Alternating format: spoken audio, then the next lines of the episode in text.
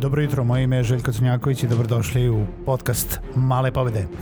Posebna izdanja podcasta tokom perioda pandemije koronavirusa bave se trenutnim stanjem, poslovanjem u otežanim uslovima, adaptacije na novo nastale uslove i još mnogo čime. Budite sa mnom svaki radni dan od 8 sati, informišemo se i motivišemo se za novo nastalu situaciju.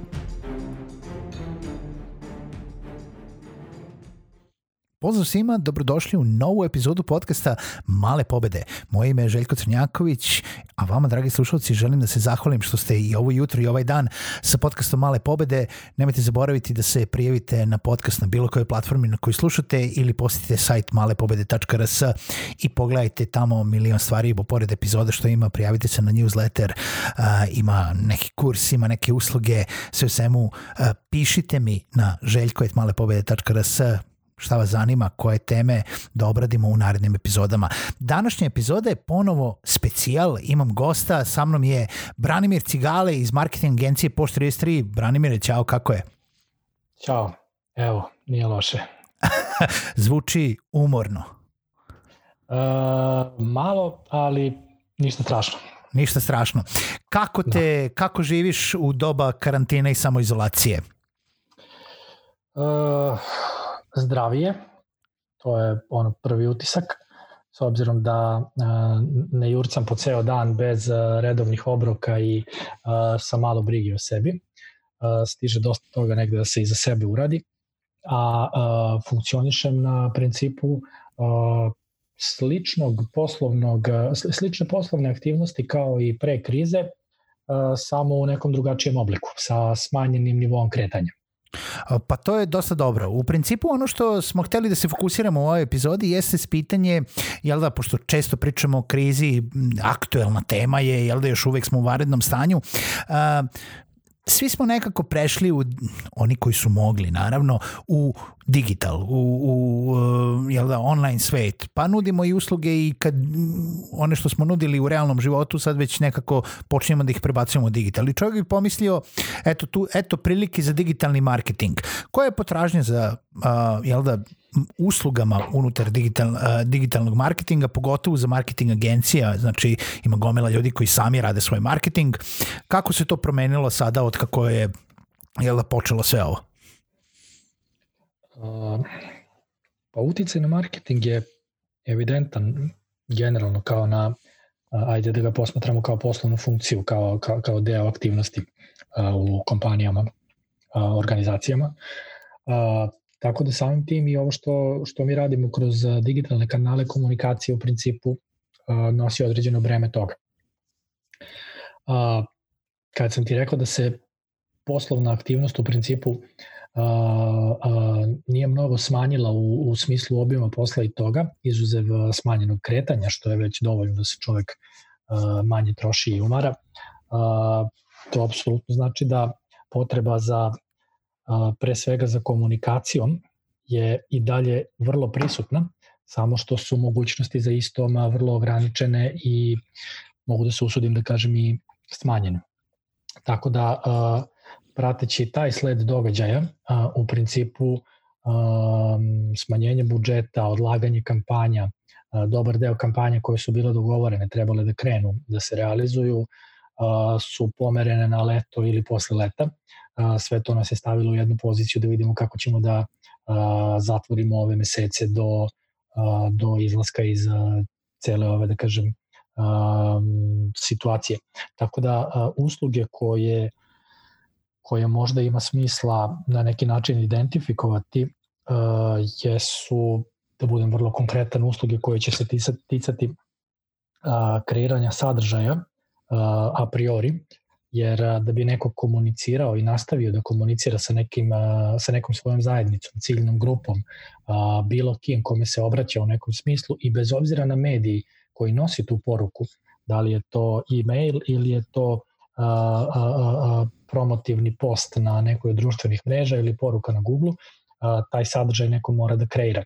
A, biznisi su sluđeni sa brzinom promena koje su se desile za mesec dana, i prosto ukoliko nemaju marketing funkcije u, u, unutar sistema, neko mora na neki način da pronađe modus operandi, da se tako izrazim, da im, da im taj sadržaj na određen način u dogovoru sa njima, a u skladu sa postavljenim ciljem i proizvede. Tako da to je jedna od usluga za koje ja vidim vrlo intenzivno prisutnu potrebu ajde bolje rečeno, kada pričamo o sadržaju, e, da li misliš na onaj sadržaj koji ide onako tipa na dnevnom nivou, da li, da li misliš na postove, na kreative, na one brze kampanje, brze reakcije, na storije, na jednostavno nešto što mogu klijenti ili marketing agencije za njih da kreiraju onako više puta na dan, više u, u kratkoj komunikaciji, čisto da se zna da su tu, ili misliš na nešto što je kompleksnije, da li su to uh, video kampanje, da li su to blog postovi, da li su to sad neki case study, da li je to podcast, jel, za, za neko, da, da li neko treba sad da počne da razmišlja da krene u neku content produkciju ili opet kažemo o čemu, o čemu pričamo, da li pričamo o tom brzom sadržaju koji, koji klijenti ni sada ne znaju kako da sklope na pravi način, a da, a da znaju samo da e, tu smo, živi smo, im, imamo akcije, nemamo akcije, ponašamo se odgovorno, ne ponašamo se odgovorno, idemo dalje, te postavi se menjaju u ono tri pa tri puta na dan i ljudi zaborave jer su preopterećeni informacijama. A, mislim na jedno i na drugom.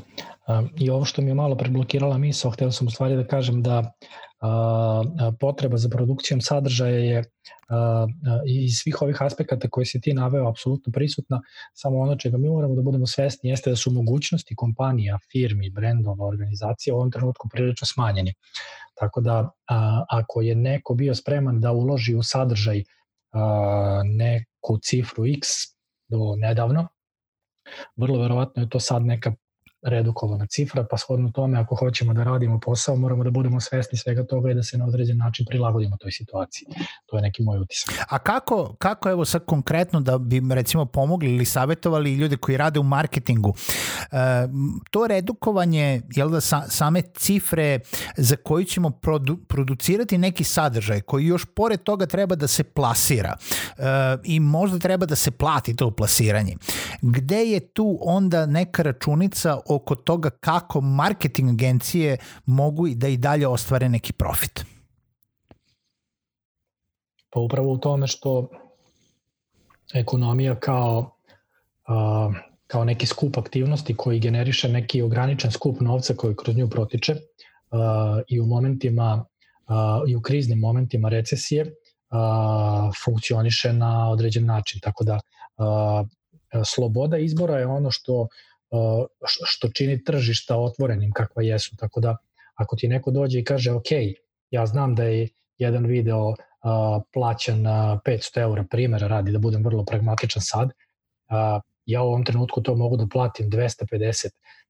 Samo je sloboda tvog izbora ono što će da opredeli da li ćeš ti da gradiš model sa kojim možeš da podržiš tu priču na neki način da objasniš kako ta promena cene utiče na a, proces izrade istog ili nećeš.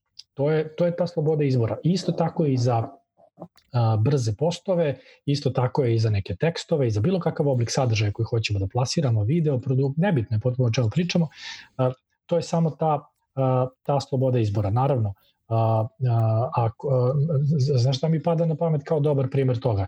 A, ako su sportski klubovi vrhunski i najbolji na svetu bili u pozicijama da a, zvezdama a, poput Mesija i sličnih a, smanjuju a, mesečne prihode koje oni ostvaruju, iako su oni bili spremni da razumeju taj moment, a radi se o mnogo ozbiljnim ciframa nego bilo čemu, o čemu mi možemo ovde da razgovaramo na našem tržištu, a, iako to sve nije dovoljna poruka nekome da mora da sagleda okolnosti iz jednog drugog ugla, a, onda je to pitanje a, zdrave logike poslovne i poslovanja kao takvog više nego kao pitanje prodavanja marketičkih usluga a, kao takvih. Tako da tržište određuje cenu. Ako je tržište a, pretrpelo određene udare kao takve, samim tim i cene moraju se definišu. Na nama koji prodajemo određene usluge je to da vidimo da li treba da prodamo tih usluga više, da li želimo u ovom trenutku da spustimo lestvicu na neki način pa da probamo to da nekako a, kompenzujemo u mesecima koji dolaze, da gradimo neke odnose sa ljudima,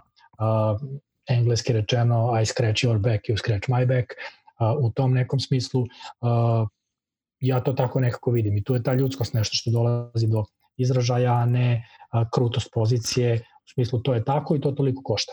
U svakom slučaju poruka za današnju epizodu Malih pobeda jeste da digital, potražnja za digitalnim uslugama i dalje postoji potreba za digitalnim uslugama i komunikacijom posebno i dalje postoji. Način na koji ćemo mi da prodamo uh, te usluge jeste kompletno, kao što si ti Bane rekao, naš izbor. Da li ćemo da tražimo te neke modele smanjenih ili modifikovanih cena, naravno uz možda modifikaciju usluge, možda modifikaciju uh, ili objašnjavanje šta bi ta, to neko smanjenje cena uh, uzrokovalo u toj usluzi, ali opet se vraćamo na onu ključnu reč koju protežem kroz podcast, adaptacija na trenutne uslove. Uh, tako, dragi slušalci, mala pobeda za vas jeste da istražite i ne budete suviše kruti u vašim cenama, da ne budete suviše a, kruti u vašim uslugama, što ne znači da treba da prodate istu uslugu za duplo manju cenu, treba samo da nađete model kako da adaptirate tu uslugu da bi bila zadovoljena sa tom nekom možda adaptiranom cenom, možda je ona veća, možda je ona manja, možda je ona kakva god, ali jeste ona koja odgovara tržištu u tom datom momentu. Bane, hvala lepo što si bio moj gost u ovoj epizodi podcasta Male pobede. Hvala tebi, bilo mi je zadovoljstvo.